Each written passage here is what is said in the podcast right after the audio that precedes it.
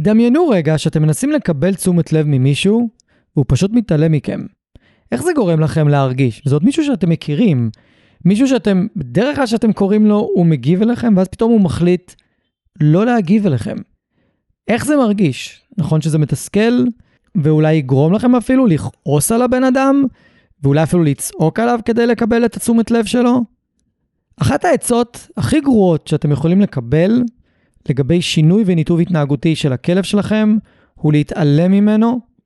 כשאתם לא עושים שום הכנה על ההתעלמות, אתם לא מאמנים אותו להתנהגויות אחרות בזמן שאתם מתעלמים ממנו.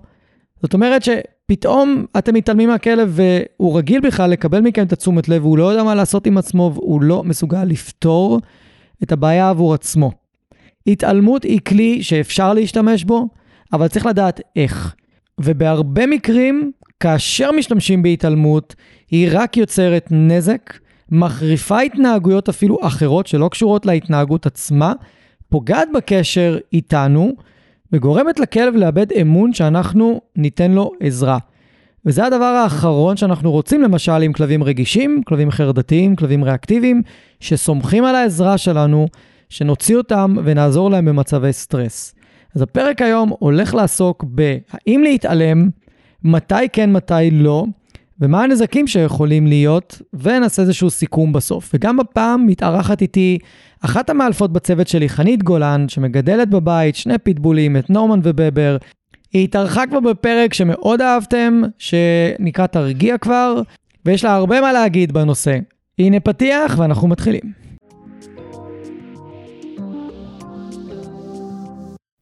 ברוכים הבאים לפודקאסט מחשבות של כלב. שמי גיא תיכון, ואני עוזר לבעלי כלבים להתגבר על בעיות התנהגות מורכבות עם הכלבים שלהם בשיטות המבוססות על תגמולים וחיזוקים בלבד.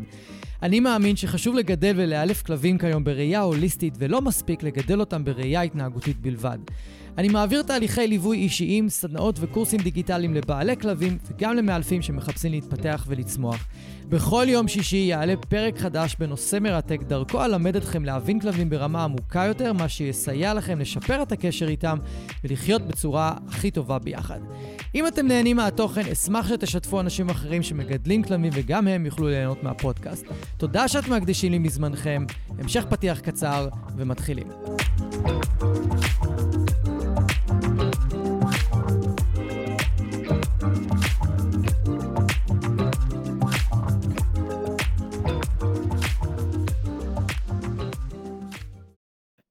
היי חנית, ברוכה הבאה, ברוכה שווה. נכון, פעם שנייה, זה כיף. מעולה, מעולה.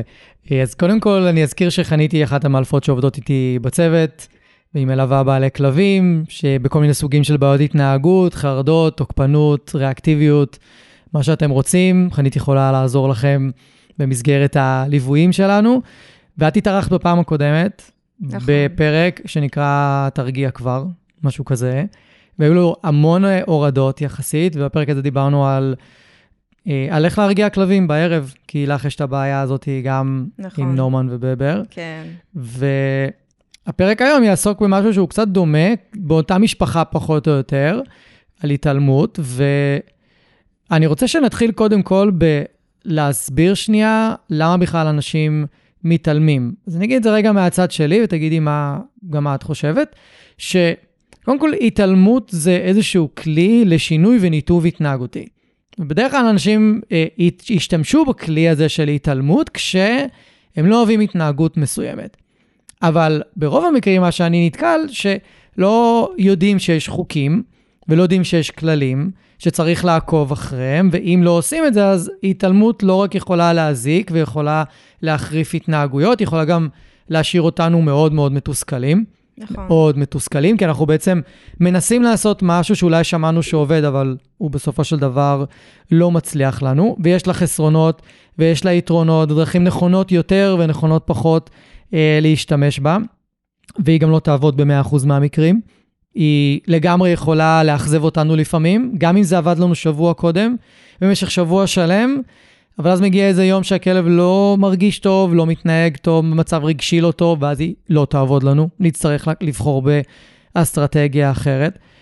והיא, זאת אומרת, אנחנו נדבר גם על הנזקים ועל כל הדברים שהיא יכולה לגרום, אז עבורי התעלמות היא לא איזה כלי שאני אשלוף אותו ככה, ב... אוקיי, אז תתעלמו מהכלב. זה לא כלי שאני יכול להשתמש בו מתי שאני רוצה. זה כלי שצריכה להיות הרבה מחשבה מאחוריו, לא פחות מאשר אם אני משתמש, משתמש בחיזוק וענישה. והמטרה האמיתית של התעלמות זה להכחיד התנהגויות שאנחנו לא אוהבים. נכון. אבל יש פה בעיה. צריך להבין איזה התנהגויות אנחנו יכולים להשתמש כדי, אם בהתעלמות, ואיזה התנהגות לא. ולך יש הרבה ניסיון עם זה מהבית. נכון, נכון, הרבה ניסיון. אה, מאוד אהבתי שהגדרת אה, התעלמות כאסטרטגיה. Mm-hmm. אני ממש מסתכלת על זה ככה, כי גם לפעמים אנחנו מתעלמים כי אין לנו כוח, או אין לנו פתרון. Mm-hmm. התייאשנו כבר. התייאשנו, כן, זהו, ניסיתי הכל, עכשיו אני מתעלם, ואולי אחרי זה אני פתאום חוזר לעשות דברים, וזאת לא אסטרטגיה. זה, אני עושה מה שנראה לי באותו רגע, וזה יוביל אותי באותה רמה של mm-hmm. משהו אה, אה, לא מסודר. אה, אז כן, אז אנחנו משתמשים בהתעלמות כאסטרטגיה, אנחנו בוחרים מתי אנחנו עושים אותה ואיך אנחנו עושים אותה, והיא למעשה כלי, כלי לכל דבר, mm-hmm. גם באימונים עם הכלב. זהו, ואני חושב שכדאי להגיד כאן בנקודה הזאת, שמי שרוצה להשתמש בהתעלמות, אנחנו תכף נדבר על החוקים שלה, חייב לזכור דבר אחד נורא פשוט. התעלמות יכולה להיות מאוד מתסכלת לכלב, ולהוציא ממנו התנהגויות עוד יותר גרועות. נכון. והיא יכולה להיות מאוד מתסכלת עבורנו. זאת אומרת, אנחנו אה, יכולים להשתמש בה ולגלות שהיא לא עובדת בדיוק כמו שרצינו, ולהיות מאוד מתוסכלים מזה. לא עובדת או שהיא לא עובדת מהר מספיק, או לא נכון. בקצב שמספק אותנו. כן, זה לגמרי יכול להיות קשה, גם לנו. זהו, אז צריך לקחת בחשבון שכשעולים רגשות כאלה קשים של תסכול, לפעמים גם כעס, צריך לדעת להתמודד עם זה.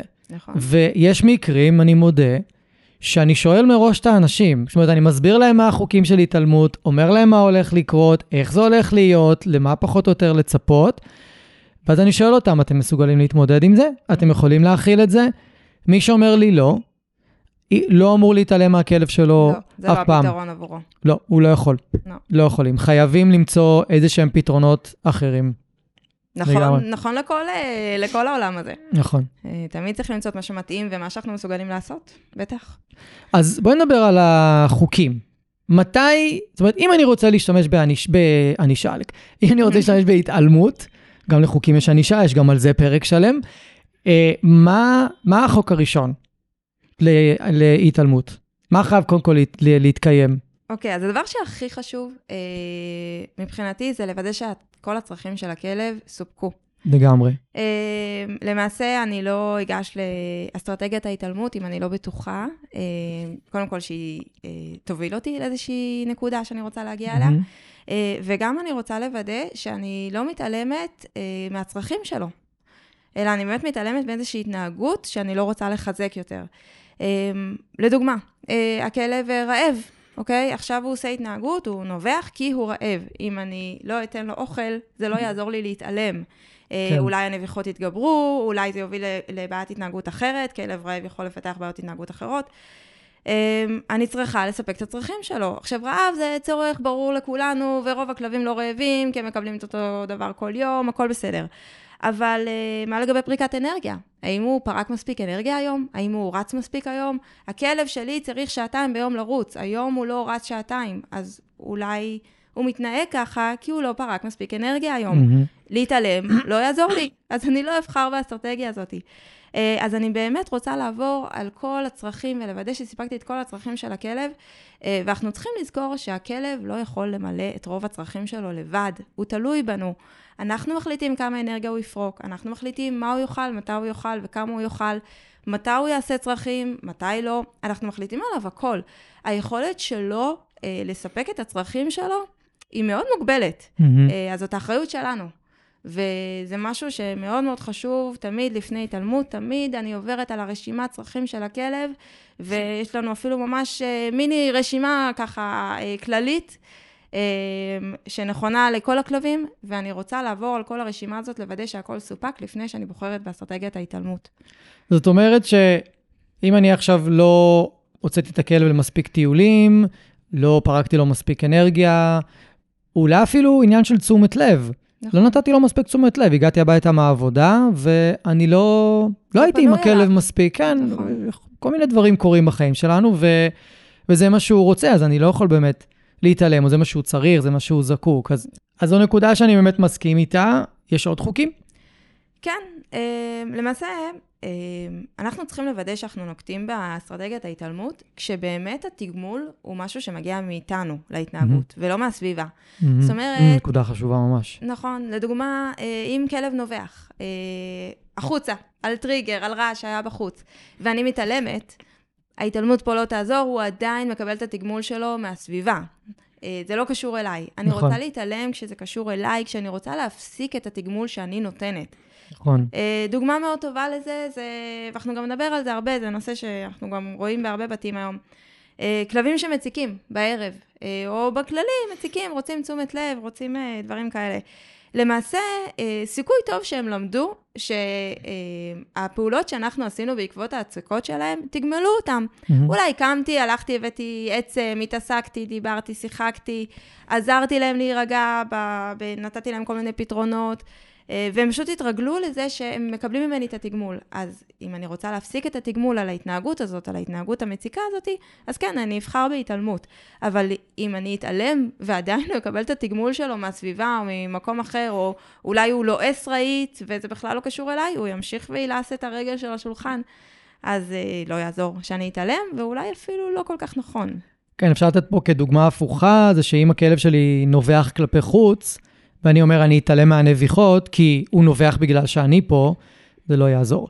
נכון. כי את, אם הוא נובח בגלל רעש והרעש נעלם, אז הוא קיבל תגמול. נכון. על הנביחה. אם זה רעש בחדר מדרגות, שומע בן אדם עולה במדרגות, הוא נבח, הבן אדם נכנס לדירה שלו, נגמר הרעש המטריד, הוא חשב שהוא העלים אותו, הוא, הוא, הוא מבחינתו ינבח גם נכון. בפעם הבאה. אז זו נקודה סופר חשובה. האם ההתנהגות מתוגמלת על ידינו, או מתוגמלת על ידי הסביבה, או שאיזשהו תגמול פנימי. הזכרת לעיסות, אולי כואב את הבטן, וזה עוזר להפחית את הכאבי בטן, אז נכון. גם אם אני אתעלם, לא יעזור. ותמיד לחשוב מה התגמול עבור הכלב, mm-hmm. ולא מה התגמול היה עבורנו. כי הדוגמה הזאת היא על הבן אדם שעולה בחדר מדרגות, והבן אדם מתרחק גם ככה, הוא לא מתרחק כן. בגלל הנביחות של הכלב. לגמרי. אבל הכלב חושב שבגלל שהוא נבח, הבן אדם התרחק. הנה, התגמול שלו היה פה, mm-hmm. ואולי זה לא משהו שאני חושבת שהוא, שמתגמל אותו, אבל כן, אם אנחנו נתבונן בכלב, נבין שזה מה שתגמל אותו. כן, צריך תמיד לזכור שיש מערכת חיזוקים פנימית לכלב, לא רק חיצונית, הוא לא עושה רק מה שהוא מקבל מאיתנו. נכון. אוקיי, ההתנהגויות מתוגמלות מאוד מאיזושהי תחושה פנימית נעימה יותר שהכלב חווה. בגלל זה אם אנחנו מלמדים כלב להירגע, בזמן שהוא מתוח וחרד, יכול להיות שאם נעשה את זה מספיק פעמים, הוא לאט לאט יבחר ברגיעה בעצמו, כי זו תחושה יותר נעימה בגוף. נכון, נכון. מעולה. יש לנו עוד חוקים? אה, וואו, חוק מאוד מאוד חשוב, עקביות. אה, החלטנו שאנחנו מתעלמים, הולכים על זה עד הסוף. אה, זה לא תמיד קל, זה לא תמיד פשוט. מעורב בזה גם הרבה רגש שלנו, אנחנו אנשים, אנחנו חווים דברים. לא להישבר, לא להישבר, כבר נקטנו, כבר החלטנו עד הסוף. אמ, צריך לזכור ולהסתכל גם על העבר ועל ההיסטוריה של הכלב. אם הוא עשה התנהגות מסוימת במשך תקופה מסוימת, ותוגמל עליה, אם לדוגמה כל פעם הוא נבח עליי והוא קיבל עצם, או שהוא אה, אה, הביא לי משחק, וכל פעם לקחתי את המשחק וזרקתי לו אותו, הוא תוגמל במשך שנים או חודשים, או לא משנה כמה זמן הוא תוגמל על זה, mm-hmm. זה לא יפסיק על פעם אחת שהתעלמתי. גם לא פעמיים. ש... וגם לא פעמיים, כן. אז יש כלבים שייקח להם אה, פחות זמן, יש כלבים שיותר mm-hmm. זמן, זה ייקח את הזמן שלו. זה גם ייקח את הזמן שלו מבחינת כמות הפעמים שאנחנו נצטרך להתעלם, אבל גם משך הזמן שאנחנו צריכים להתעלם. אם אנחנו נישבר באמצע, מה שאנחנו נלמד את הכלב, שאם הוא יגביר את ההתנהגות שלו, אנחנו mm-hmm. בסוף ניתן לו את מה שהוא רצה. או יתמיד בה. או יתמיד לאורך בה. לאורך זמן. נכון, וגם פה יש משהו אה, חשוב לזכור. בדרך כלל ההתנהגות תוחרף לפני שהיא תתמתן. Mm-hmm. זאת אומרת, אם נכון. הכלב נבח, ועד היום זה הצליח לו, ועכשיו הוא נבח, וזה לא מצליח לו, כי אני פתאום מתעלמת, הוא ינסה לנבוח יותר חזק. הוא אמר, רגע, עשיתי את ההתנהגות הזאת הרבה זמן והיא הצליחה לי, היא פתאום לא מצליחה לי. Mm-hmm. אני אנסה את אותה התנהגות, רק ביותר חזק. כן. אז זה לא כיף בתור אנשים, אה, גם מניסיון אישי, עם אה, כלב שנובח מאוד מאוד חזק. אה, להחזיק, להחזיק מעמד, לחכות שהוא יסיים לנבוח, תמיד אחרי שזה נהיה הכי הכי הכי גרוע, מפה זה מתחיל להשתפר. נכון. זהו, זו נקודה חשובה מה שאמרת, כי תמיד כשמתעלמים במצבים כאלה, זה הולך להיות הרבה יותר גרוע, נכון. לפני שזה הולך להשתפר. נכון. וברגע שאנשים מבינים את הנקודה הזאת, אז הרבה יותר קל להם להתמיד והם לא נשברים כל כך בקלות. נכון. אבל אם אין להם את המידע הזה, אז הם חושבים שהם עושים משהו לא בסדר, הם חושבים שזה לא עובד. הנה, אני מתעלם, זה לא משתפר, אמרו לי שזה ישתפר וזה מחמיר. מחמיר, הוא פתאום נובח עליי יותר חזק. בדיוק, נושך אותי יותר חזק, קופץ עליי. היו לי מקרים שהכלבים הלכו ומשכו, נשכו ותפסו בשיער של האישה עם השיניים, והם כן, משכו, וזה קלאסי. כן, זה לא נעים ממש, זה כאילו, לא. זה אפילו מעצבן ברמות. אני לא יכול אה, להזדהות עם זה, כן. אבל אני רואה את התגובה. כן. אוקיי. וזה גם דוגמה, דרך. אגב, מה שאמרת. אה, אגב, אותי גורים נושכים בזקן, אה, מה באמת? לא כיף. ממש. אני אומרת, הדוגמה של, לדוגמה של הנביחות שהולכות ומתחזקות, אז אתה הלכת ואמרת, נכון, זה לא חייב גם להגיע, לא- זה לא אותה התנהגות שרק מתחזקת, הם יכולים לבדוק ולהציע עוד התנהגויות שאנחנו נכון, לא נאהב. נכון. אז אולי הם יגבירו את הנביחות ויראו שזה לא עוזר, אז הם עכשיו יתחילו לנשוך נכון. אה, בצורה משחקית כזאת, או בצורה של תשומת לב. בדיוק. אז ההתנהגות גם אה, עלולה להתנתב למקום אחר. נכון. עדיין להישאר מאוד מאוד חזקים. אם כבר עברנו על כל החוקים וכבר החלטנו שאנחנו משתמשים באסטרטגיית ההתעלמות, ללכת עם זה עד הסוף. מעולה, אז גם נקודה, נקודה נורא חשובה. אני ראיתי כלבים שעברו מללעוס את ה... את הארון של המטבח, לללקק את הקיר, ללחפור בספה. עברו מלא מלא מלא התנהגות במשך איזה עשר דקות, רבע שעה, עד שהם הצליחו להניח את עצמם, כאילו הם הבינו, עד שהם הבינו מה תגמל אותם. כן, אה, לא, הם הבינו ש... אוקיי, כל, כל. מיציתי את כל האסטרטגיות כן, שלי. כן. שום דבר לא עובד לי, אז אוקיי, אני פשוט אלך לנוח. ואת העלית בשיחה המקדימה שלנו נקודה נורא חשובה כאן, שלרוב האנשים מאוד קשה להתעלם מזה, וזה מכניס אותם למצוקה אישית, כי הם רואים שהכלב שלהם במצוקה, והם רוצים לעזור לו. נכון. והם הם לא מבינים שבזה שהם עזרו לכלב עד היום, ולא, ולא כיוונו את הכלב להרגעה עצמית, בעצם פוגע בהם, בסופו של דבר, בטווח הארוך. נכון. הכלב לא לומד ולא משפר את מיומנויות ההרגעה העצמית שלו. וזה חשוב. וזה כן. חשוב כל כך לכלב, לדעת שהוא מסוגל להרגיע את עצמו. כן, איזה כיף זה אה, לחיות את החיים בהרגשה ש... שאני יכול, גם אם אני לבד, אני. אצליח, אני לא תלוי במישהו אחר, מהמם. בשביל להרגיע את עצמי, שזה דבר מאוד בסיסי להרגיע את עצמך. נכון, אם לי לא הייתה את המיומנות להרגיע את עצמי והייתי צריכה להיות תלויה בגורמים אחרים, כן, החיים שלי היו פחות טובים. אה, וגם היום, בתור בן אדם, אני כל הזמן מחפשת עוד, עוד דרכים ומיומנות לשפר את החיים שלי, לדעת להרגיע את עצמי, אה, לדעת מה עושה לי טוב. אז גם הכלב קצת צריך ללמוד את זה. ואני מקשרת את זה למה שאמרת, שזה עלול להיות לנו קשה באותו רגע, אבל לזכור שאנחנו גם עושים איזשהו משהו טוב אה, כן. בטווח הארוך לכלב. כן, ואם אנחנו נקביל את זה רגע לעולם שלנו, כי תוך כדי שדיברת זה קפץ לי לראש, דוגמה שאני נותן המון, אם אנחנו עצבניים וכועסים אחרי יום עבודה, ולא בא לנו לדבר עם אף אחד, אנחנו יכולים לגור עם אנשים, יכולים לגור לבד, מה נעשה? שני דברים טיפוסיים, נטפליקס, טלוויזיה, נכון. או טלפון. זאת אומרת שאנחנו פשוט נעמעם את, ה, את האי שקט שלנו ואת החוסר יכולת שלנו כרגע להכיל את מה שאנחנו מרגישים. יש לנו, פיתחנו שלל אה, פתרונות אלטרנטיביים גרועים מאוד, אבל שעובדים ועוזרים לנו ואנחנו פשוט יכולים להתנתק ממה שאנחנו מרגישים. אין לנו, לכלב אין, אין את זה. לא.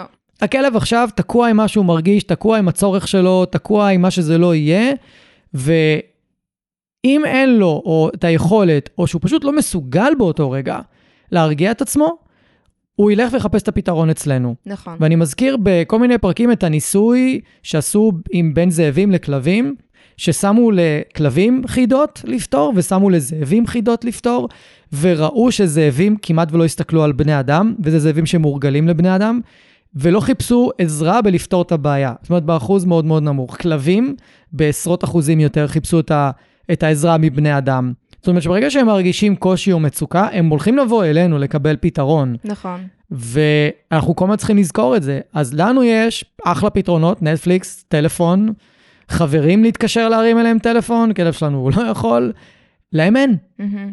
אז אנחנו כל הזמן צריכים להיות בהבנה ובידיעה שאנחנו נצטרך לתת פתרונות לכלב שלנו ברמה כזו או אחרת. בטח, בטח. אין ספק שהאחריות אה, אה, הכללית היא עלינו. מהמם. וגם מה שאמרתי על היכולת של הכלב ללמוד להרגיע את עצמו, זה מיומנות שאני רוצה לתת לו. כן, זה לא כי אני לא אותו. רוצה לטפל בו יותר. כן. זה לא כי אני לא רוצה לענות לצרכים שלו, או שאני כן, אומרת, אה, לגמרי. טוב, תירגע לבד, לא אכפת לי. מהמם. ממש לא, זה ממש כמו ילד שאני רוצה לתת לו את המיומנות להסתדר לבד כשאני לא אהיה. מהמם. ואפשר לקשר את זה גם באיזשהו מקום, מעט, לחרדות נטישה. היכולת של הכלב להסתדר לבד כשאני לא נמצאת. היכולת שלו להרגיש בטוח עם עצמו כשאני לא נמצאת. והוא לא הכל תלוי בי. ו- וזו תכונה שאני מאוד שמחה להעניק לכלבים שלי, את הביטחון העצמי הזה. לגמרי. ובנקודה הזאת גם אפשר להזכיר, או יותר נכון להגיד, שאחד החוקים הכי הכי חשובים, זה שהתעלמות היא אין קשר עין, אין דיבור ואין מגע. נכון. אני לא יכול להסתכל על הכלב שלי ולהגיד אני מתעלם ממך. לא, אני חייב לעשות איזושהי פעולה אה, מאוד בולטת. גם הרבה פעמים אני אומר לאנשים, וזה אולי גם משהו נורא חשוב לציין, לתת אות מקדים לכלב לפני. תגידו לו, לא עכשיו, או אני עסוק, אני עסוקה, אני לא מתכוונת להתייחס אליך, ואז שהמילים האלה, י... אה, אנחנו נעשה איזושהי שפת גוף שהכלב שלנו כבר מכיר כאוקיי, הם לא עומדים להתייחס אליי. הם לא עומדים לעשות משהו יחד איתי. זה יכול להיות לשבת על הספה, זה יכול להיות לעמוד איפשהו בבית, לשלב ידיים, להסתכל למעלה. ממש, שפת גוף שהיא מאוד ברורה. נכון. אבל אחד הטריקים שלי, שאני רוצה שכלב יבין שכרגע אני לא מתכוון להתייחס אליך, אז אני מבקש מהם לעשות פעולה, שכשהם עושים אותה, הכלב בחיים לא בא לבקש תשומת לב. את יודעת מה זה? מה? שטיפת כלים. אתה מבקש ממנו לשטוף כלים? מהבן אנשים, כן, קומו, תשטפו כלים שתי דקות, כן. זה הסימן הכי ברור של הכלב שלכם, שכרגע מתעלמים ממני, כרגע לא מתייחסים אליי. אז אני יכול להגיד להם, להגיד לכלב, טוב, תגידו לו לא עכשיו, כן. ותקומו ותשטפו כלים אה, כמה דקות, תחזרו לאיפה שהייתם. תעשו את זה כמה פעמים כדי שהכלב יבין שלא עכשיו, זה אומר שכרגע לא מתייחסים אליי. כן. ולקשר את זה לפעולה שהוא יודע לא לקבל בה תשומת לב. נכון. אוקיי. דרך אגב, בניגוד ל... אני קם מהספה ועושה משהו שקשור אליך. נכון. לשטוף כלים ממש לא קשור אליו, אפילו הצורה שבה אני עומדת, עם הגב לבית, כן, וממש אה, אין, אין שום דרך לפנות אליי, כן, זה ממש מבהירה את זה, יפה, כן, אבל... אהבתי את זה. ואני, מצד שני, אני לא רוצה שהם ייכנסו נגיד או להתקלח או לשירותים ויסגרו את הדלת לכלב, כי לא תמיד זה טוב. זה נכון. לא תמיד, זה יכול דווקא להגביר את הקושי של הכלב. אבל דווקא פה הכלב מאיזה סיטואציה, והוא הוא גם בדרך כלל, ספציפית בסיטואציה הזאת, הוא כן למד להניח את עצמו בצד. כי הוא כבר עשה את זה המון המון המון פעמים. מהמם. אני רוצה אה, שנתרכז רגע בתשומת לב בעזרת מבטים שאנחנו מהמם. נותנים להם. אה, אנחנו לא שמים לב, אה, אבל מבט מאוד מאוד מתגמל, ויותר נכון להגיד שאנחנו לא שמים לב שאנחנו מסתכלים ונותנים את המבטים האלה. מהמם. זאת אומרת, אה, שאם הכלב עכשיו אה, בסלון עושה את הבלגן וההצקות שלו והנביחות שלו, ואני לא מדברת, ואני לא קמה, ואני לא פונה אליו, אבל אני מסתכלת עליו ואני נועצת בו מבטים, מבחינתו, יש כלבים שמבחינתם זה תשומת לב לכל דבר. הם מהמם. מרגישים, הם יודעים שאני מסתכלת, הם יודעים שאני עוקבת אחריהם. אני מזכירה לכם שלכלבים שלנו אין נטפליקס, אין Mm. אה, פייסבוק, אין אינסטגרם, הם כל היום יושבים ומסתכלים עלינו. הם כל כך מזהים אה, בחדות את התגובות שלנו, הם מזהים גם את מעבר האישונים שלי. אה, אז ממש ממש להתאמץ, לא להסתכל, ואולי זאת הפעולה הכי קשה שאני מבקשת מאנשים לעשות, ואני יודעת שזו גם פעולה שמאוד קשה לי, מהמם. אבל uh, אני מנסה לסגל לעצמי הרגלים, ואולי גם אחד ההרגלים שסיגלנו בבית, זה כשאנחנו uh, רוצים להתאמץ לא להסתכל, וצריך להתאמץ לא להסתכל. נכון. אז אנחנו ממש פונים אחד לשני, אני והבן זוג שלי, ומנסים לדבר בינינו, אה, כי זה קשה לנו לא להסתכל עליהם כש, כשהם אה, מציקים או, או נובחים. ואנחנו גם מזכירים אחד לשני, בעיקר אופק מזכיר לי, הוא אומר לי, "תה, שימי לב, שימי לב, את מסתכלת עליהם. מהמם. ואנחנו שמנו לב שכשהפסקנו את, ה, את המבטים בבית ואת המעקב עם העיניים אחרי מה שהם עושים, הייתה קפיצת מדרגה. מעולה. אז את ציינת שיש כלבים מסוימים שיותר קשה להם אה, עם קשר עין, זאת אומרת שמבחינתם קשר עין זה תשומת לב, אז שווה רגע להזכיר, אנחנו מדברים בעיקר על כל כלבי הרועים למיניהם. רואה אה, בורדר קולי, רואה גרמני, רואה אוסטרליה, הכלבים האלה עובדים המון עם העיניים. וואו, מאוד. אז הם מחפשים את העיניים שלנו, הם יחפשו את המבט שלנו, אז נורא חשוב לשים לב. נכון. וגם, זה יכול להיות סתם כלבים מעורבים, הם לא סתם, אבל הם מעורבים, ויש להם אולי איזושהי נטייה יותר, יותר לחפש אותנו בעיניים, נכון. יותר לשים לב לעיניים ולחפש מידע דרך העיניים, ואז באמת הם הם יהיו יותר על זה. וזה בניגוד מדהים לזה שאנחנו לא שמים לב לשימוש בעיניים שלנו. הם כל כך שמים לב לזה, באמת, בתשומת לב יתרה, ואנחנו לא. ואני אספר את זה. אה, משהו שאני חווה הרבה אה, בליווי לקוחות ש, שחווים קושי בערב, באמת עם רגיעה של הכלב, אז uh, אני מאוד אוהבת לקבוע איתם פגישה אחת בזום. ואנחנו, אני סופה בזום, בזמן שהם בסלון, mm-hmm. הם מנסים להתעלם מהכלב. כן. והם טוענים, uh, וככה מרגישים, ובצדק, שהם מתעלמים מהכלב, וזה לא עובד. ואני פתאום מסתכלת מהזום, אני בכוונה לא נוכחת, כי תמיד mm-hmm. הנוכחות שלי משנה קצת את האופי שלה, נכון. ואת האווירה בבית. ואני שמה לב שהם לא זזים, הם לא מדברים, אבל האישונים, המבטים, כל הזמן, ימינה-שמאלה, ימינה-שמאלה, ימינה-שמאלה, והם לא שמים לב לזה. Mm-hmm. ואז אני עוצרת אותם, אני אומרת להם, תעצרו, תעצרו, אתם רואים שאתם כל הזמן מסתכלים עליו בלי לשים לב? הם לא בוהים, נכון, הם לא בוהים, אבל כל הזמן הם מסתכלים מה הכלב עושה. הוא הניח את עצמו, הוא לא הניח את עצמו. הוא התיישב, הוא קם, הוא הלך, הוא לקח בוליסטיק, הוא לקח עצם. שחררו, mm-hmm. שימו טלוויזיה ושחררו את הכלב. ו, וזה מוביל אותי לדבר הבא, אה, שגם אני שמה לב לפעמים, וזה גם משהו שהיה אצלי בבית, אה, ואני גם שמה לב לזה בבתים אחרים, זה מין דאגת יתר כזאת, שקצת גורמת לכלבים שלנו בסוף להביא אותנו למצב שאנחנו צריכים להתעלם מהם. זה מין שרשרת שאנחנו יצרנו.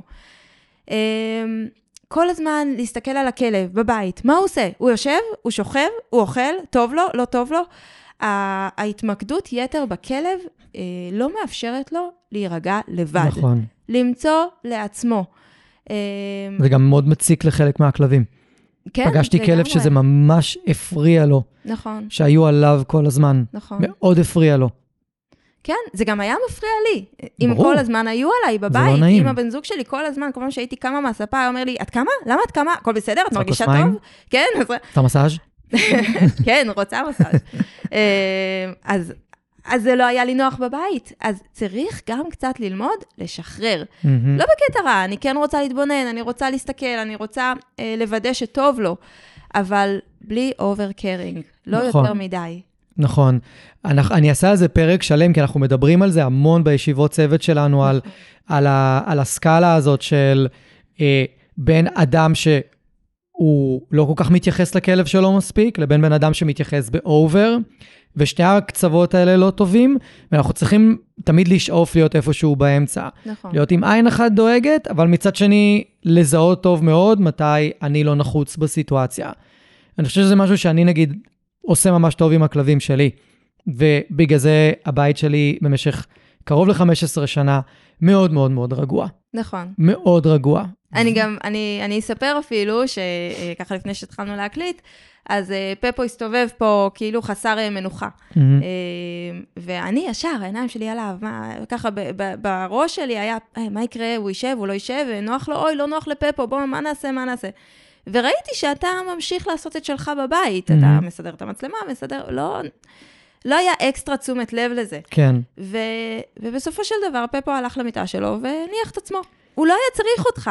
הוא לא היה צריך אותך, ההפך, הוא היה צריך שתניח לו למצוא את המקום שלו. נכון, ו- ואני אשתף יותר, שתוך כדי שסידרתי את המצלמה וראיתי אותו מסתובב, אני ידעתי מה הוא צריך. אבל פשוט לא עזבתי את מה שעשיתי באותו רגע ונתתי לו. גם כי פפו יודע להרגיע את עצמו, וגם כי ידעתי מה הוא צריך. עוד, עוד דקה, שאני שנייה אסדר, אסיים לסדר את המצלמה, הייתי קם, הייתי בא, לוקח את המיטה שלו, שם אותה לידך, איפה שהוא הסתובב, הוא היה נשכב שם והכל היה נגמר.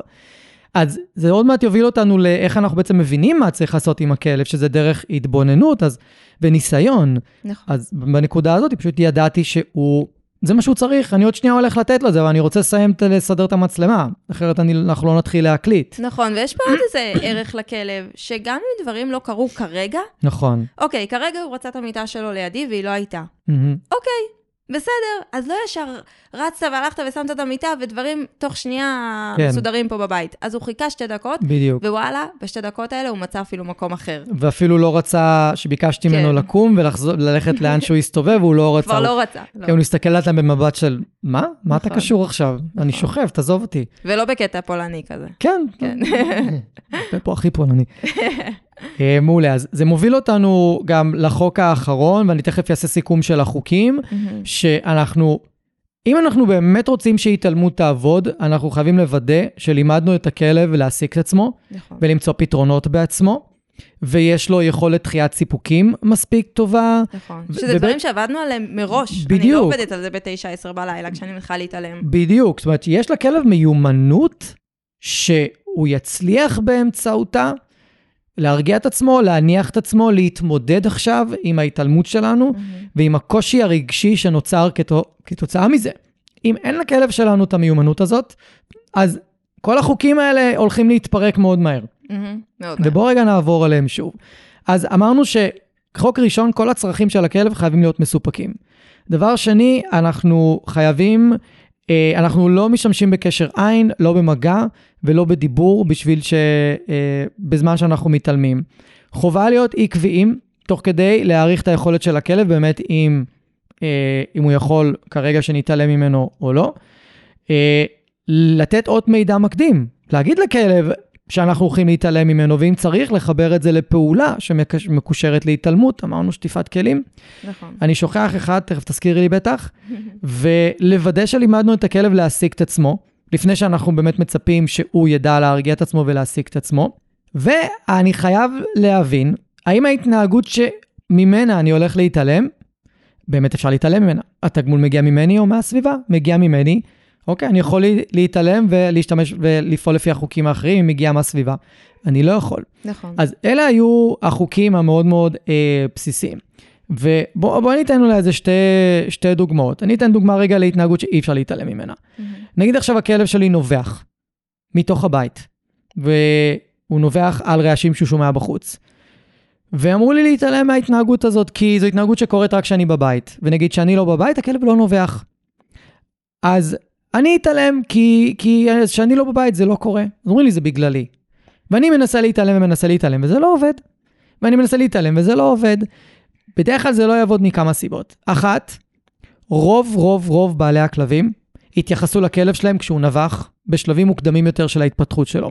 נוצרה התניה מאוד מאוד חזקה אצל הכלב, שאם אני נובח מתייחסים אליי. ועכשיו גם אם אני אתעלם מהכלב חודש, אם ההתניה מספיק חזקה, זה לא יעבוד. נכון. ויש פה בעיה נוספת. אם הנביחות הן כתוצאה מלחץ ופחד ממה שקורה מחוץ לבית, והכלב שומע רעש, אז אמרנו מקודם, הוא שמע רעש, נבח, הרעש התרחק או נעלם, מבחינת הכלב הוא בקלות יכול לחשוב שהוא גרם לרעש להתרחק. אז זאת אומרת שיש כאן שתי מערכות חיזוקים. אחת, מערכת חיזוקים היסטורית שלי על ההתנהגות הזאת, ואני לא מכיר בעל כלב אחד שלא יתייחס לכלב שלו. אחד, כולל אני. אי אוקיי? אפשר לא להתייחס לנביחות, אי וואו. אפשר, אי אפשר. נביחות זה הכי קשה לגמרי. בבית. אז יש היסטוריית חיזוקים ממני.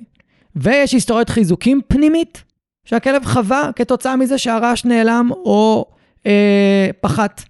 אז זאת אומרת שזו התנהגות שאין שום סיכוי בעולם להתעלם ממנה. ושמעתי המון המון אנשים שאמרו לי, כן, ניסיתי להתעלם, ניסיתי להתעלם, זה לא עבד. נכון.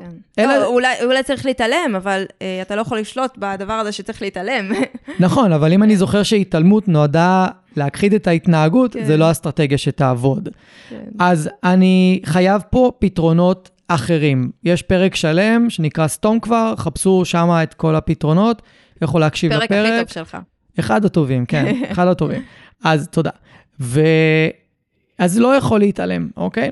בואי ניתן להם דוגמה למה כן יכול לעבוד. אה, איפה התעלמות כן יכולה לעבוד. אה, קלאסי, הצקות, נכון? אה, הכלבים שלא רגועים בערב. כן.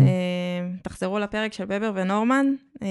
אז קודם כל, כולם מוזמנים לבוא לראות את הערב אצלנו. הוא לא מושלם, אבל הוא הרבה הרבה יותר טוב.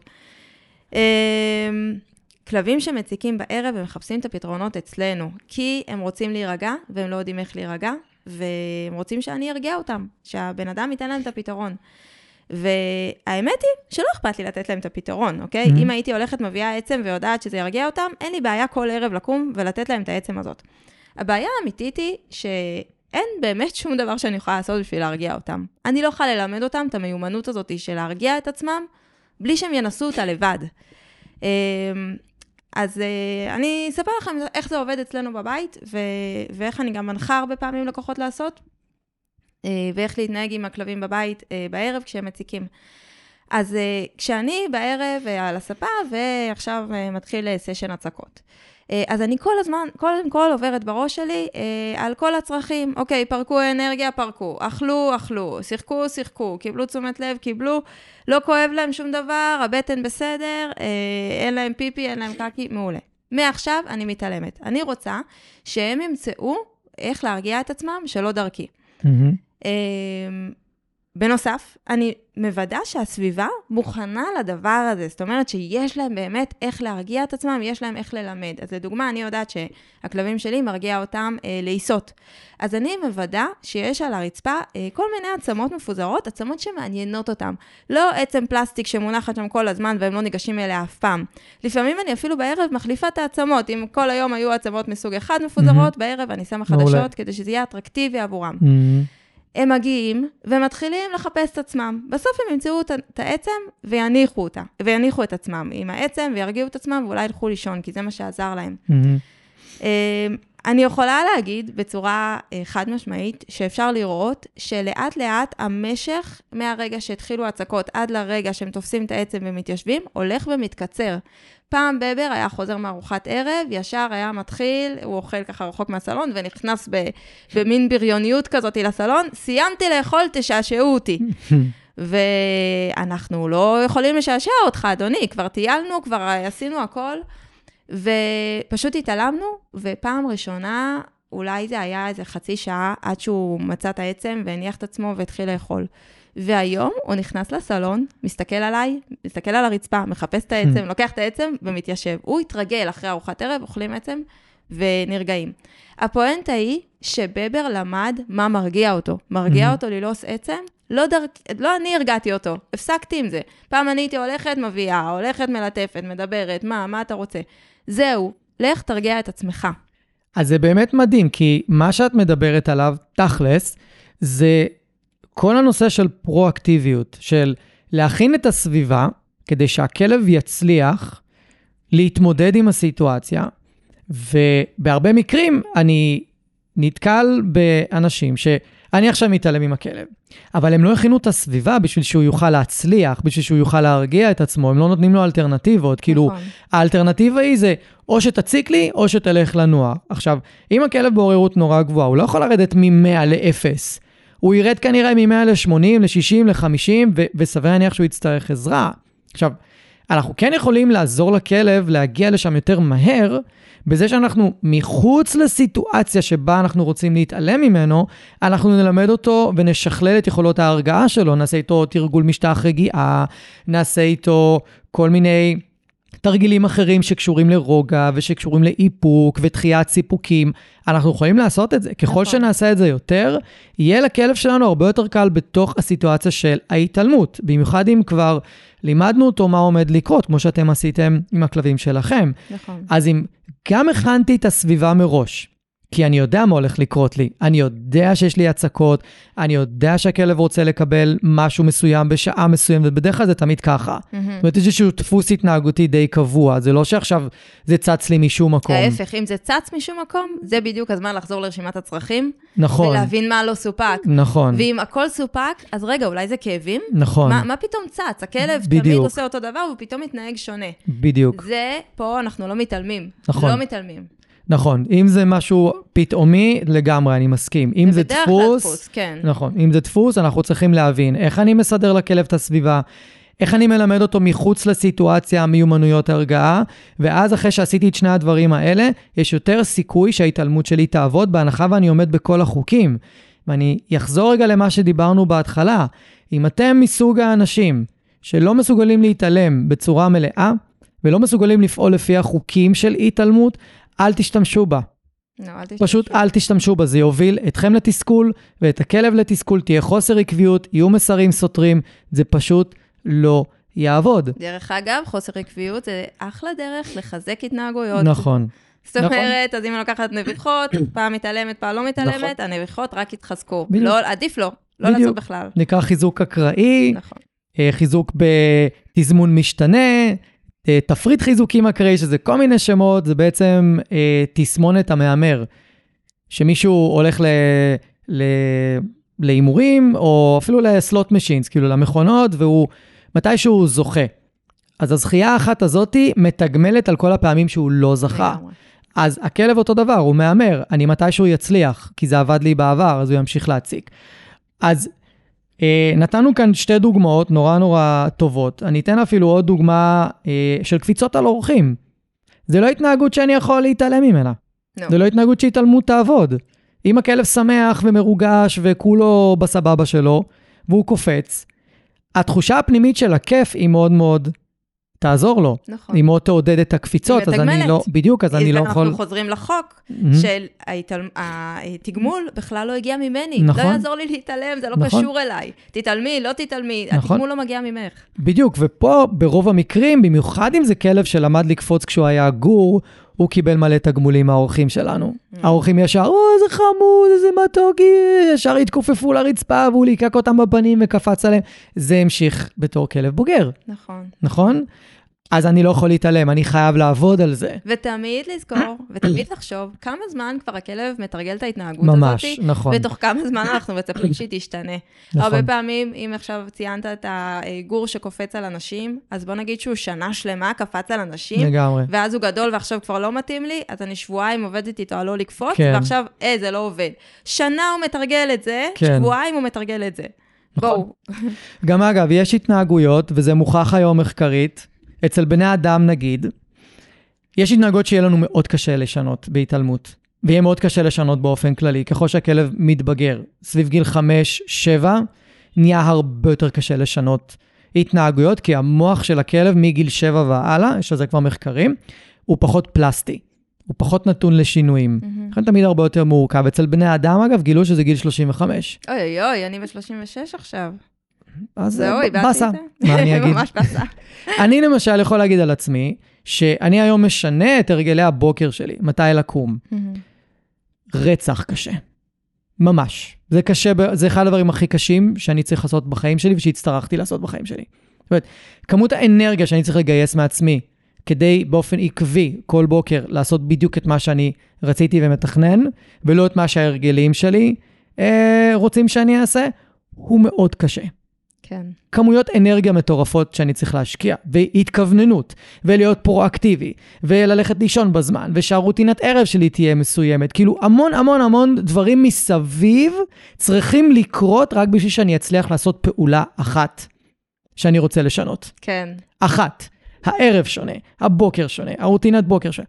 הכל שונה, איך שאני קם מהמיטה שונה, הכל שונה רק בשביל להצליח בפעולה אחת. לגמרי, אולי אפילו גם מה שאתה אוכל או מה שאתה שותה. בטח, אתה גם שותה יותר מים, אתה אה, אוכל ארוחה יותר קלה לפני שאתה בטח. הולך לישון. הערב ארוחה יותר קלה, והיא לא ארוחה שמאירה את הגוף בדרך כלל. מהמם. אני עדיין לא מספיק טוב שם. אז עכשיו, ואז אנחנו באים לכ- לכלב שלנו, כמו שאת אמרת, אני רוצה שתוך שבועיים תשתנה. כן. ואני הולך לעשות מינימום כדי שאתה תעשה וואו, את זה. מינימום, ממש. אי אפשר. אנחנו צריכים שהסביבה תשתנה, שהסביבה שמעודדת את ההתנהגות תשתנה, שהיא תעודד התנהגות אחרת, שאנחנו נעודד התנהגות אחרת, וגם עוד מעט יהיה פרק על אפי גנטיקה, איך הסביבה משפיעה על התנהגות. מרתק. וזה הדבר היום שמדברים עליו. הסביבה יותר מכתיבה את ההתנהגות. אז עוד יותר פה, אם אני רוצה להתעלם מהכלב ושהוא ימצא את הפתרונות בעצמו, אני חייב לעשות המון המון המון דברים כדי, במסביב, כדי שזה יצליח. נכון. ופה זה נקודה שהרבה אנשים פשוט לא מכירים. הם לא מכירים גם על עצמם, אני גם לא הכרתי על את זה על עצמי. אני למדתי את זה רק ממש בשנה האחרונה אולי. כן. אוקיי? מי שרוצה ללמוד ספר שנקרא Atomic Habits, פשוט ספר מדהים, שיכול לעזור לכם. אה, אני רוצה לתת עוד דוגמה להתנהגות שנגיד אי אפשר להתעלם ממנה. מהמם. אם עכשיו חזרנו מטיול, והכלב שלנו מגיע הביתה ומתחיל להשתגע בבית. מתחיל ללעוס לנו רהיטים, ללעוס לנו דברים בבית, לסחוב לנו דברים. אנחנו לא יכולים להתעלם מזה. לא יכולים להתעלם. וזו התנהגות אפשר. שחוזרת על עצמה, אנחנו רואים את כן. זה בהרבה מקומות, וזה טבעי. כי לכלב או היה מאוד מתוח בטיול, או היה מאוד כיף בטיול, זה לא משנה, אבל הוא היה בעוררות גבוהה בטיול, זה הגיוני, הוא היה בחוץ. אה, הוא חוזר הביתה, ופתאום מ- 100, הוא צריך לרדת ל... אפס. אפס או עשר, כן, נכון? אני, לישון, אה, ללכת אה. לשכב איפשהו. זה קשה.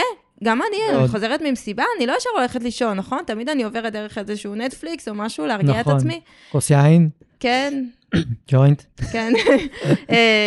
כל אחד מה ש... שעושה לו את זה. נכון. אז אז הרבה פעמים הכלבים אין להם את המיומנות הזאת נכון. לרדת מ-100 אין להם- לפחות, אין להם לפחות. אין להם את הטקס שיש לנו. כן, טקס, נכון, לגמרי. אז אנחנו הרבה פעמים ממש מייצרים את הטקס הזה לכלבים. מהמם, אה, אפילו הדבר הכי פשוט, חוזרים מטיול, עושים תרגול רגיעה. מהמם. אז אני לא רק מייצרת פה את, ה, את ההרגל הזה, אני גם מפסיקה הרגל אחר. כי עד היום היה הרגל, נכנסתי הביתה, התחלתי אה, לכרסם את הרגל של השולחן, או קפצתי, או התחלתי אה, אה, לחפור בספה. מהמם. אז יש הרגל, שימו לב, הכלב מתרגל את זה, הוא כל פעם חוזר מטיול וחופר בספה. מהמם. קודם כל אני מפסיקה את ההרגל הזה, מפסיקים לתרגל אותו, ונותנים אבל הרגל אחר בריא יותר. ההרגל הוא אחר, הוא להירגע, הוא לתרגל את הרגיעה, אולי לשכב על המשטח שלך, לשכב על המיטה שלך. אני נותנת לו איזושהי חלופה ואני מלמדת אותו. כמו שלימדו אותי כשאני הייתי בכיתה א', לא ישר הלכו וזרקו לי תרגיל מאוד מאוד מורכב. Mhm. קודם מלמדים מספרים, ואז מחברים ביניהם, ואז מלמדים תרגילים. אז אותו דבר גם לגבי זה, אני לא מצפה מהכלב שלי שזהו, חזרנו מטיול, אני עכשיו מתעלמת ממך ואתה הולך להירגע. אני חייבת ללמד אותו איך נרגעים. זהו. ותמיד צריך לזכור שהכלבים שלנו הם חכמים מאוד. זאת אומרת שהם למדו מה מפעיל אותנו. והם יודעים שאם הם יתנהגו בצורה מסוימת, אנחנו נקום ונעשה משהו, נגיב בצורה מסוימת. ולזכור, כעס, תשומת לב שלילית, עדיין תשומת לב. וואו, תשומת לב לגמרי. עדיין תשומת לב. גם לצעוק על הכלב שיפסיק לעשות משהו, זה עדיין תשומת לב. נכון. אז מאוד לשים לב למה, למה אנחנו עושים ואיך אנחנו אה, מתייחסים ל- לכלבים שלנו. אנחנו מדברים אמנם המון על הצקות, כי אני חושב שזו הדוגמה שהכי קל לתת, אבל אם אפשר לעשות איזושהי רשימה שקצרה כזאת, שבדרך כלל אנשים מנסים להתעלם מהכלב והוא, וזה לא עובד להם, אז אמרנו נביחות, הצקות, לעיסות של דברים, התפרצויות ברחוב, זה שמעתי פעם, התפרצויות של כלב על טריגרים אה, כאלה ואחרים, קפיצות על אורחים, אה, בקשות של אוכל. זאת אומרת, אם כלב ממש מציק באוכל ומבקש אוכל, והתעלמות לא עובדת, יש פה בעיה אחרת. יש פה בעיה אחרת. פה בעיה אחרת בדיוק לגמרי, ולהתעלם מצרכים. אפשר כאילו לא להתייחס לעניין הזה, אבל גם זה שאני הולך ומנקה זה סוג של איזשהו יחס, אז כאילו, יש פה כל מיני דברים, יש פה מערכת יחסים מאוד מורכבת סביב התעלמות.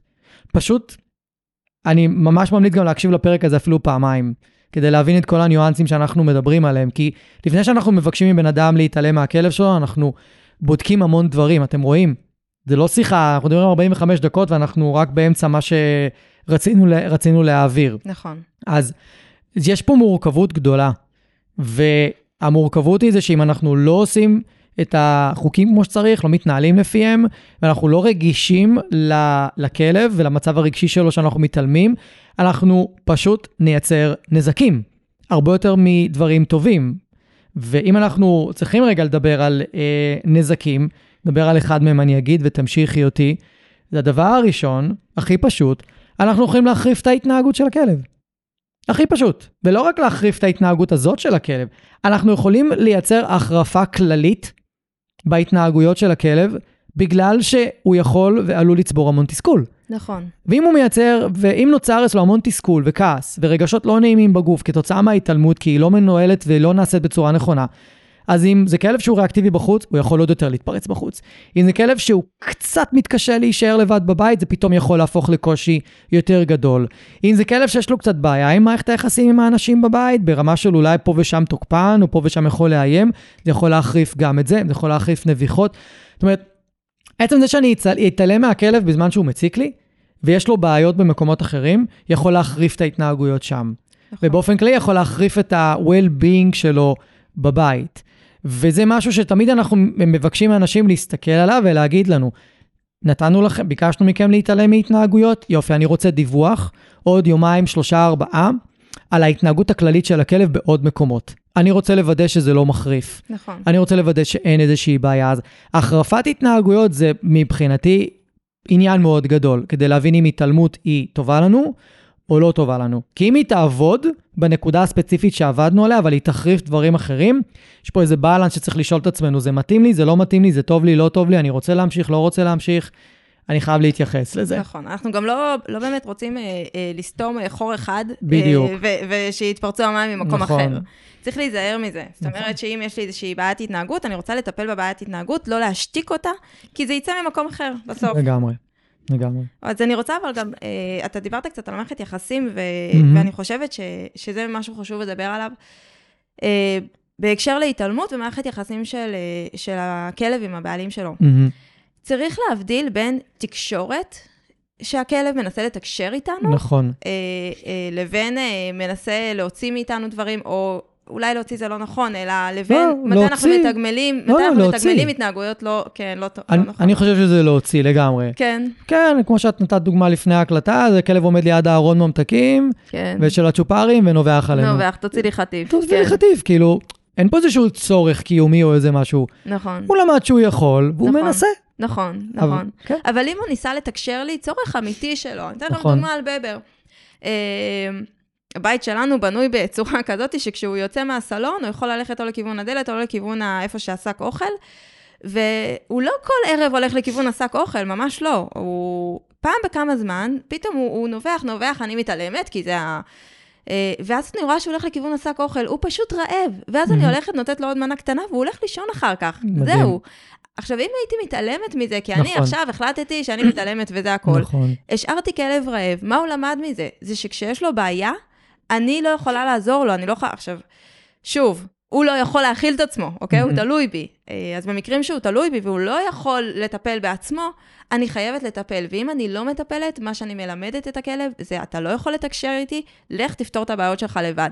ובוא נגיד, איך הוא היה פותר את זה? הולך לשק של האוכל, מתחיל לקרוע אותו, נכון? לא התנהגות שאני רוצה. או לועס משהו אחר, או מציק לך יותר, כאילו, סביר להניח שהוא היה מוצא איזשהו פתרון שהוא לא אידיאלי. נכון, אבל דווקא פה אני לא רוצה שהוא ימצא לבד את הפתרונות, אני רוצה שהוא ידע לבוא אליי ולהגיד לי, בואי תפתרי לי את זה. כי זה צורך כאלה. בסיסי. צורך אמיתי, כן, ובאמת גם צורך שהוא לא יכול לספק לעצמו. נכון. אמ, שאגב, אנחנו בסיטואציה הזאת פשוט הולכים למקרר ואוכלים משהו. נכון, לגמרי, כן. ולגמרי מורידים את התחושת אי-נעימות שיש לנו בגוף. נכון, אנחנו שוכחים לפעמים, לפעמים... אנחנו אה, שוכחים איזה פריבילגיות יש לנו בעולם הזה. וואו, לגמרי, לגמרי. אני, אני לא... אני רעב, אני חייב. זהו. אני באתי לספר שאני הרבה פעמים, ואני בבית, לא, לא קורה לי הרבה פעמים שאני רעבה, מתה מרעב, מורעבת. נכון. ו- וזה קרה לי לפני איזה שבוע, לא זוכרת, לא זוכרת. הגעתי למצב שאני מתה מרעב, אבל לא יכולה לאכול, הייתי בחוץ. ואמרתי, וואו, ככה הם מרגישים? כן. איזה באסה להם. ועכשיו, מה, אני עכשיו צריכה להיות תלויה במישהו כדי שיספק לי אוכל? אני כבר שכחתי מה זה להיות רעבה ברמה הזאת. או, או, אם, אה, או אפילו להצטרך אה, פיפי. מאוד מאוד מאוד מאוד לחוץ. מתי פעם אחרונה הייתם צריכים כל כך לחוץ? נכון. תחשבו שהם חווים את זה כל יום, הם תלויים בנו. כן. אז אה, אולי לא כל יום, כן? אבל אם, אם לא הוצאנו אותם, דברים כאלה.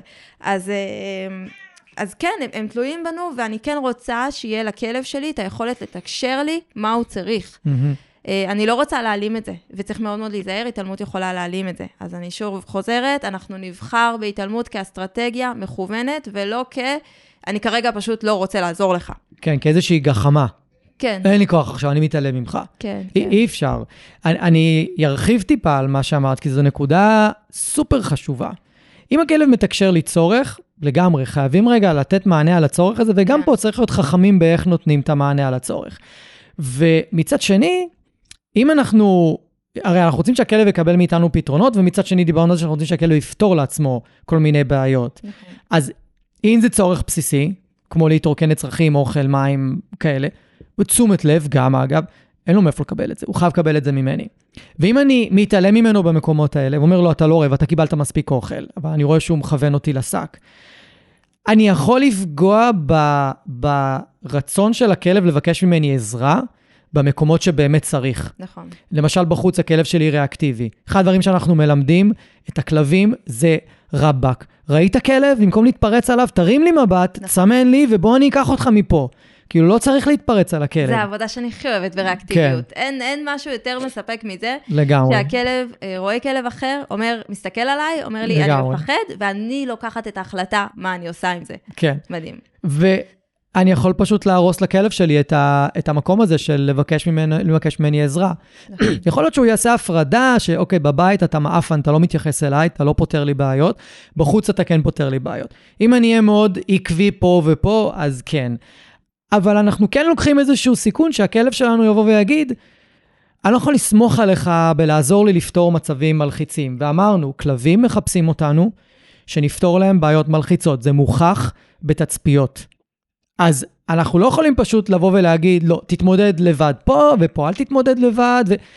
אנחנו חייבים איזושהי אסטרטגיה, אנחנו כל הזמן מדברים על זה, אנחנו צריכים להיות, להיות חכמים.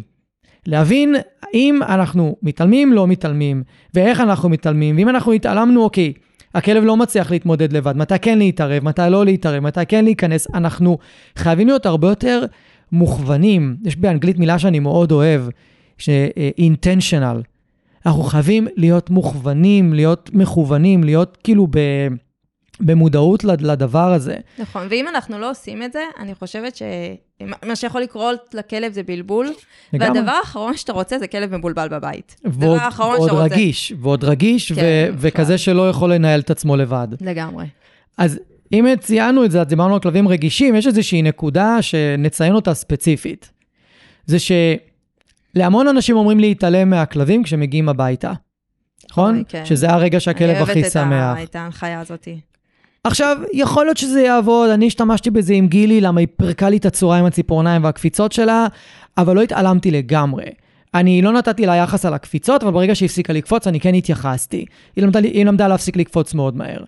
ו... אבל בוא נגיד וזה כלב עם קושי להישאר לבד, וכלב רגיש, כזה שהנקודות אור בחיים שלו הן מאוד מאוד מצומצמות. וכשאנחנו מגיעים הביתה, כשאנחנו מביאים לו משהו להתעסק איתו, כשאנחנו יושבים איתו על הספה ומתעסקים איתו ומלטפים אותו, אבל אם עכשיו אנחנו יוצאים לטיול, הוא חרד. פוגשים כלבים בטיול, הוא חרד. הוא נוסע באוטו, הוא חרד. זאת אומרת, הרבה מהחיים שלו הם בחרדה. הוא מבלה בחרדה. וכשאני מגיע הביתה זה בדיוק הזמן של השמחה שלו. נכון. אם עכשיו אני גם אקח לכלב את זה, כי אני מתעלם וואו, ממנו, להתעלם כי מישהו אמר לי שזה מגביר את החרדת נטישה שלו. אז מה, אני, אני מכבה את המקום שבו הכלב שלי מביע הכי הרבה שמחה, אני מכבה אותו. אני לא מאפשר לו שמה להרגיש שמחה. אז מה עשיתי בזה? נכון. ואני לא חייב להתעלם. אני פשוט יכול לייצר טקס חזרה הביתה, שאני נותן ביטוי לשמחה של הכלב שלי בצורה שהיא בריאה. נכון. לא. ניכנס לזה, אבל אפשר. ואני לא חייב להתעלם, אני לא חייב לכבות את השמחה של הכלב, כשעם כלבים חרדתיים, אני הכי צריך להוציא את השמחה הזאת, את השמחת חיים. נכון. וגם אם אני מדברת ספציפית על התעלמות וכניסה הביתה, מה אני באמת רוצה לשדר לכלב שלי, נכון? מה, אני לא מכירה בך? הרי הוא יושב שם, הוא רואה שנכנסתי, כן. הוא יודע שיש בינינו קשר, הוא יודע שאני רואה אותו ואני מתעלמת ממנו, איזה, אם אני הייתי נכנסת הביתה והיו מתעלמים ממני, כאילו לא נכנסתי, כאילו אין, אני לא נכון. לא קיימת, איך הייתי מרגישה עם זה? נכון. אז אני לא באמת רוצה לתת את ה... יש הרבה אנשים שיכולים להגיד, אני מזדהה עם זה. כן, טוב, אני לא... אמ, אבל בכל מקרה, אני לא רוצה אה, להרוס את הקשר, אני לא רוצה, לה, אה, לא רוצה לבאס אותו, אני לא רוצה שהוא ירגיש רע. עכשיו, זה לא אומר, אני לא אומרת, אה, תחזרו הביתה ותקפצו על הכלבים שלכם, כן. ממש לא. לפעמים גם רק מבט עם העיניים, היי, אני רואה שאתה פה, זה גם שלום מבחינתי, תלוי בכלב, מה הכלב צריך. נכון. כמו שאתה מתאר על גילי, היא הייתה מאוד מרוגשת. יש כלבים יותר אדישים, אולי אני יותר רוצה להתרגש איתם, אבל להכיר בכלב, להתעלם ממנו כאילו הוא לא קיים, אף אחד לא היה רוצה שיעשו לו את זה, ואנחנו יודעים כבר שהן חיות מספיק אינטליגנטיות בשביל להבין מתי אנחנו מתעלמים, אליהם, מתעלמים מהם, לא בצורה המדו... הנכונה. לזכור שהן חיות חברתיות. חברתיות. חברתיות, נכון. ואנחנו לא יכולים אה, להשתמש בטיעון הזה כשבא לנו, על תיאוריית הדומיננטיות והלהקה וכל הדברים האלה, ואנחנו פשוט מתעלמים מזה כשזה לא נוח לנו. כי גם אם מסתכלים על קבוצות של כלבים, יש ביניהם כל הזמן תקשורת. כל הזמן תקשורת, והיא הרבה פעמים תקשורת שקטה. נכון. אני, וכמו שדיברנו אני רוצה להתעלם מהכלב שאני יכול להשתמש בתקשורת שקטה, אני משלב ידיים, מסתכל למעלה, אומר לו באותו רגע, לא עכשיו, אני עסוק. ואני פשוט נכון. מתעלם, אבל יש תקשורת. ואם צריך, והוא מציק לי ומציק לי, ומסתכל עליי ובוחן אותי, אני אסתכל עליו שוב ואני אגיד, אני עסוק. ואני, אסיד, ואני אחזיר חזרה את המבט למעלה, ואני אזכיר לו את מה שאמרתי לו לפני שתי דקות, ככל שהוא שכח. או שהוא עדיין לא חיבר. זה גם דרך אגב משהו שהייתי מצפה שיעשו עבורי, נכון? כן. אם כרגע אתה לא פנוי אליי, אז בוא תגיד לי, אני לא פנוי, אבל אל תיתן לי עכשיו להציג לך ולהציג לך ולהציג לך, ותתעלם ממני, ואני ארגיש כאילו, אוקיי, תגיד לי שאתה לא פנוי, אני אלך, אני אחפש את עצמי, כן. נכון? אני אלך, אני, אני אמצא מה לעשות עד שאתה תתפנה. נכון. אז חשוב לתקשר את זה גם לכלב. ויש דבר אחד שלא דיברנו עליו מספיק, זה להעריך את היכולת הרגשית של הכלב, באמת להכיל התעלמות ולהכיל את כל מה שאני רוצה שהוא יכיל באותו רגע. וזה משתנה מיום ליום, מרגע לרגע, מהבוקר לערב, בדיוק נכון. כמונו. אנחנו נהיה ימים מסוימים יותר מכילים ופחות מכילים, וימים מסוימים נוכל אה, להכיל אפילו התעלמות של בן אדם אחר, שאפילו אולי זה יתאים לנו, כזה נקרא אחריהם, יאללה, בסדר, שיתעלם. כאילו, כן. ויש ימים שלא, אנחנו נגיד, מה אתה מתעלם? אני, אני רוצה לדבר כן. עכשיו. נכון. כאילו, אני, אני צריך לפתור את זה עכשיו, יש לי איזשהו צורך, נכון? אז אני חייב תמיד להעריך גם את היכולת של הכלב, וגם אה, לה, להעריך את היכולת שלי להתמודד עם סיטואציה. כי בואי, לפעמים אנחנו נבחר בהתעלמות, וזה הולך להיות עכשיו ממש גרוע, חצי כן. שעה, שעה. נכון, מאוד גרוע. נכון. ואם זה גרוע חצי שעה, שעה, אז זה מה שדיברנו קודם.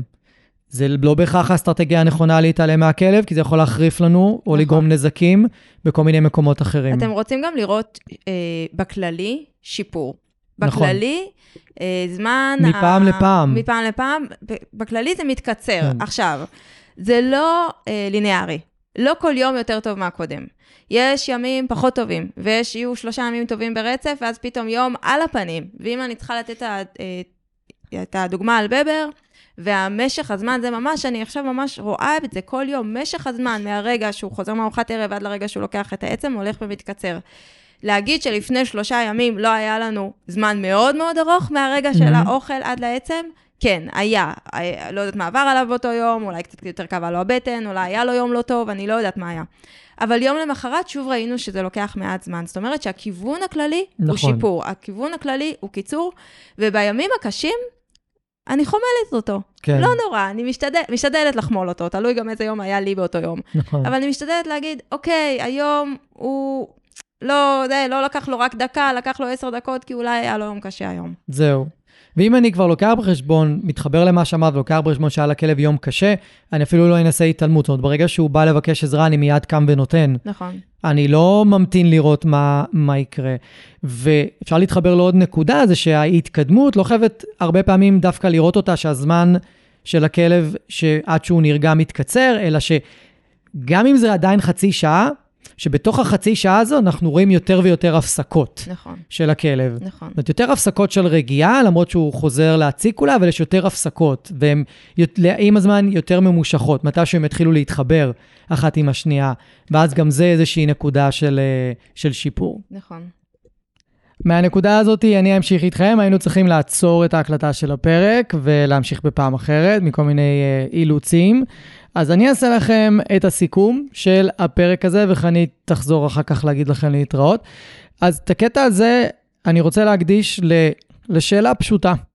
האם להתעלם מהכלב, ואיך לדעת מתי כן להתעלם ומתי לא. וזה עושה סיכום לכל מה שדיברנו לאורך הפרק בסופו של דבר. אז קודם כל, הדבר הראשון הוא להתבונן ולאבחן את ההתנהגות. דיברנו על התנהגויות באופן כללי, האם זו התנהגות שמופנית כלפינו, האם זו התנהגות שמופנית כלפי חוץ, להבין האם זה, אה, החיזוק מגיע מאיתנו, האם החיזוק הוא מגיע מבחוץ, הוא יכול להיות משולב בחיזוק פנימי, זאת אומרת שהכלב נהנה לעשות את מה שהוא עושה, ואז לא משנה אם להתעלם ממנו, הוא ימשיך לעשות את זה. אז קודם כל, להתבונן.